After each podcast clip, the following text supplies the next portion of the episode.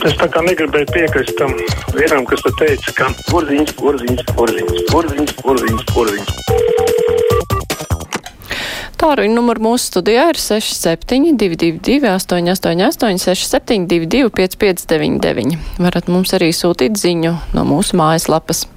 Mums klausītājs piezvanīs. Halo, labdien! Labdien! Labdien! Gribēju izteikt pateicību un apzinību vēsturi doktoram Gatim Krūmiņam no Vidzemes augstskolas, kurš izstāstīja patiesību par Birzgalas komjauniešiem, kuri pārdeva baznīcas zvanu un trīs dienas dzēra būtu ļoti interesanti zināt mūsu dižā rakstnieka Erika Hānberga domas, jo viņš pats nāk no Birsgalis. Vai viņš arī piedalījās tajā komjauniešu ballītē, jo visu savu radošo dzīvi viņš slavināja kolhoz iekārt un sarkanos baronus.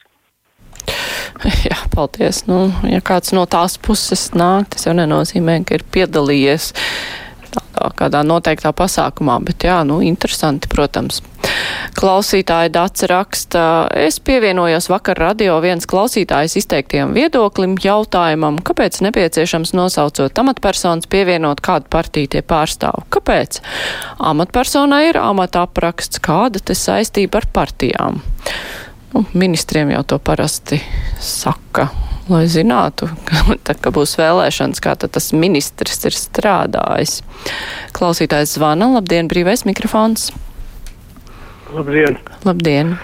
Uh, es mazliet uztraucos tādā sakarā, ka Facebookā, ja, no bijušo ministru, no daudzu mediķu, teiksim, no Circens, no Gan Danilāna, it kā no viņa vārda reklamē kaut kādas pagrīdes zāles. Un tas notiek jau ilgstoši. Un es uzskatu, tas ir kaitīgi un tur ir jāpievērš kaut kādu dienestu uzmanību. Jā, paldies. Nu, jūs sastopaties tādu reklāmu, jums tur tušien ir iespējams arī noziņot par to, bet jā, diemžēl tāda parādība bieži, un tas ir ne tikai, ka zāles reklamē, bet finanšu pakalpojums vai kaut ko tādu, nu, tādus šaubīgus, eh, kurus paliek zem kāda cilvēka bildes. Klausītājs zvana, labdien!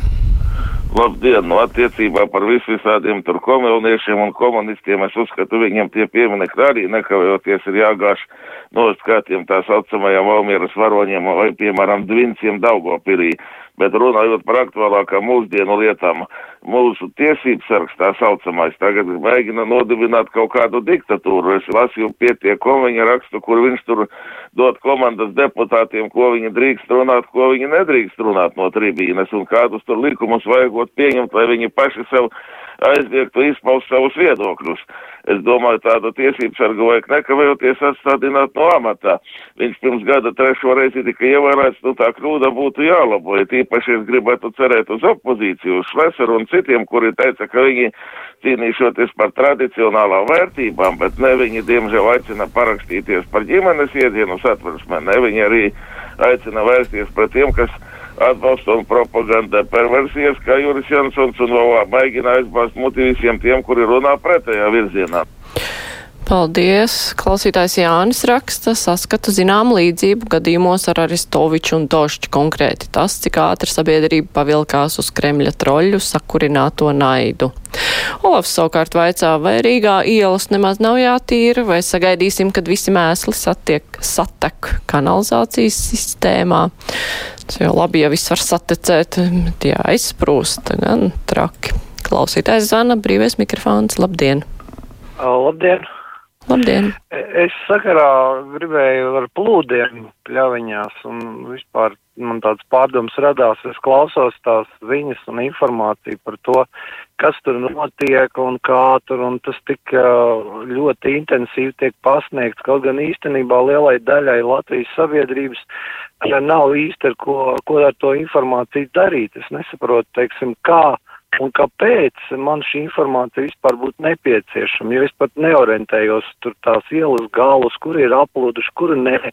Tas man liekas kā tāda reklāmas akcija tieši šim te vairāk tām uh, institūcijām, kas tur ar šiem darbiem nodarbojās. Es nesaprotu, kāpēc mums tas vispār būtu jāzina. Jā, paldies. Ne, nu, tas, ka pasaka, kas tās par ielām, nu, ir daudz cilvēku, kuri zina, tās to ielu nosaukums vai googlē var apskatīties interesanti kartē, cik liels ir plūdu areāls un, nu, var kaut kā tur mēģināt iedomāties to situāciju.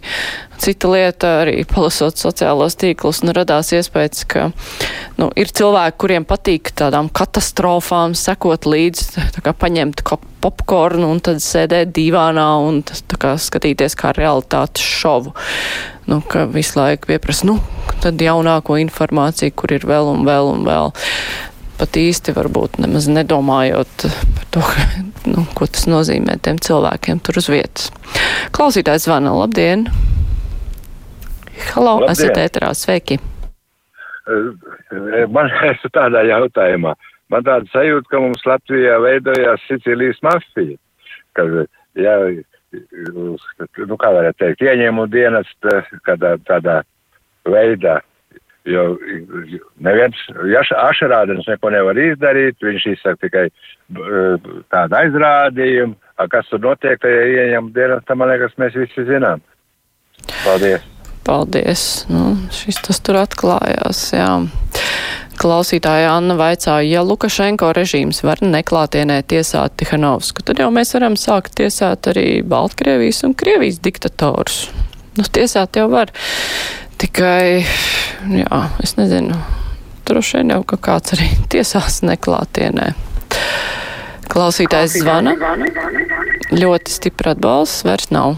Esat ēterā, sveiki.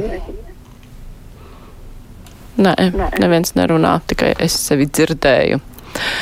Ilza raksta, vai cik labi būtu, ja ministrs no konkrētās partijas pildītu tikai savus amatu pienākumus un, nu, itin nemaz neietekmētos no konkrētās partijas politikas. Piemēram, dažs pagājušās valdības ministrs, taču šajā ziņā bija ļoti spošs. Nu, jā, partijas jau tāpēc nāk uz vēlēšanām ar noteiktiem solījumiem, un to izpildi vēlētāji arī sagaida. Un nav brīnums, ka ministrs pilda tos solījumus, kurus ir solījis savā vēlēšanu programmā, piemēram. Pacelšu klausuli. Labdien, esat ēterā. Halo, sveiki. E, jūs, es, jūs man dzirdat? Dzirdam, dzirdam. Zināt, man tāds, tāds, tāds pārdoms ir. Es tagad izteikšu. Ārkārtīgi. Man patīk dziesmas svētki, man patīk dziedāt, man patīk dejotāji. Man ļoti patīk reklāma par dziesmas svētkiem, par dejošanu ir ļoti liela. Bet dziesmu svētki būs ārkārtīgi daudz cilvēku Rīgā, ārkārtīgi daudz, nu visu Latviju. Un 15, eh, 500 km no dziesmu svētkiem, kur mēs priecāsimies, līs asinis.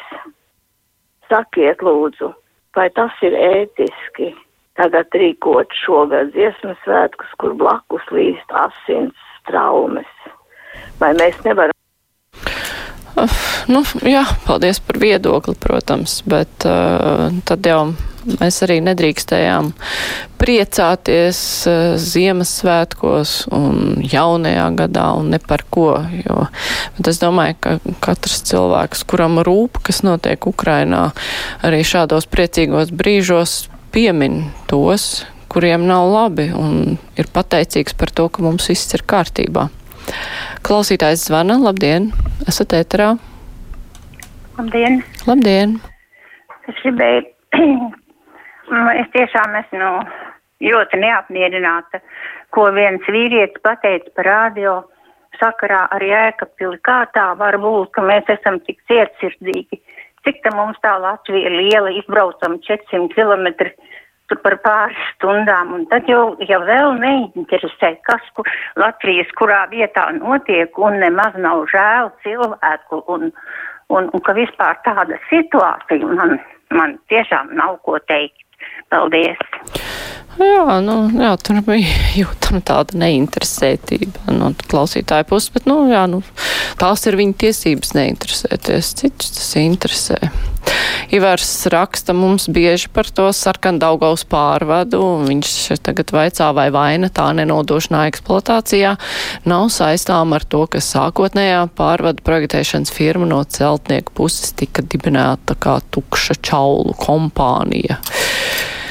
Ivaram ir dažādas versijas ar šo pārvadu. Klausītājs zvana, labdien, esat ēterā? Jā, labdien. Labdien. Es pilnībā piekrītu Aivar kungam no Daugavpils. Viņš tik daudz pareizi pateica. Hm. Paldies, jauki, ka Aivaram ir atbalstītāji. Es gan tā nesapratu tieši par ko piekrīt, bet, nu, laikam jau par visu, ko viņš teica. Klausītājs zvana. Labdien! Šorīt klausījos par vienu sievieti, kur stāstīja, ka viņai trīs bērnu māte, un, tā, un tāpēc viņai būs mazāka pensija nekā tai, kurai nav neviena bērna. Un tā kā mūsu dzimstība vienkārši ir drausmīgā līmenī, man ir tas priekšlikums padarīt pensiju atkarīgu no bērnu nomaksātā sociālā nodokļa. Jo vairāk man ir bērnu, jo vairāk viņi strādā Latvijā, jo vairāk viņi nopelna, jo vecāki saņem lielāku pensiju. Un tad tas pēreizes, lai cilvēki būs ieinteresēti vairāk ieguldīt bērnos, rūpēs par to, lai bērni būtu, lai viņi kaut ko strādātu. Kāds jūs, kādas jūsu domas šajā jautājumā? Jā, nu, es nezinu, vai gluži no bērnu iemaksātiem nodokļiem. Tas, nu, jā, tur noteikti ir dažādi aspekti, kas var parādīties, bet uh, tas, ka šis pensiju jautājums ir jāatrisina, ir skaidrs, jo Pat ja sieviete ir visu laiku maksājusi nodokļus un aiziet bērnu kopšanas atvaļinājumā, un tad ne saņem māmiņa algu, bet nesaņem sociālās iemaksas, nu, tas ir briesmīgi. Un ja tas ir daudzus gadus, tas nostāda viņu krietni sliktākā situācijā nekā pārējos. Agnes raksta, nu, un tieši tāpēc jau jāzina, kuru partiju, kurš ministrs pārstāv. Partijas politika ir viens, bet pelēkie kardināli un ietekmītas ir pavisam kas cits. Klausītājs zvana, labdien, esat ēterā? Labdien! Halo? Esat ēterā, sveiki! E, e, Māra, jūs uzaiciniet kādu vēsturnieku, lai izstāsta tā, reiztīm tautai par Krīmu, par Donbasu.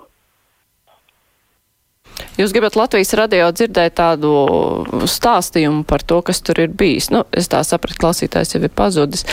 Nu, jā, jāstāsta par tādām lietām. Tā Jānis raksta, tur arī nekas nebija jāsaprot, jo šis kungs vienmēr vienkārši piekrītāja varam. Ā, to Jānis ir ievērojis. Labi, es vēl vienu zvanu uzklausīšu, un pārējie arī var uzklausīt. Labdien, esat ecerā! Es esmu ēterā. Jā, sveiki. Es ļoti uztraucos par bezbērnu nodokļu ieviešanu.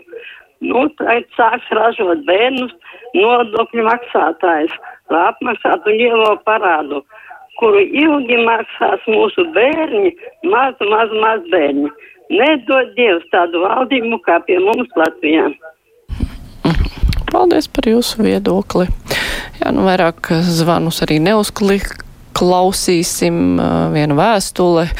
Uldis vaicā, kam liek otru padomju platuma sliežu ceļu no Milgrāvi uz Vecmilgrāvi, ja nav Krievu kravu un nākotnē pāries uz Eiropas sliežu platumu. Kam tāds Krievu bizness izdevīgs? Tā Ulds raksta, bet ar to mēs arī brīvo mikrofonu noslēdzam. Tagad būs ziņas, pēc tam mēs runāsim par starppilsētu pasažieru pārvadājumiem.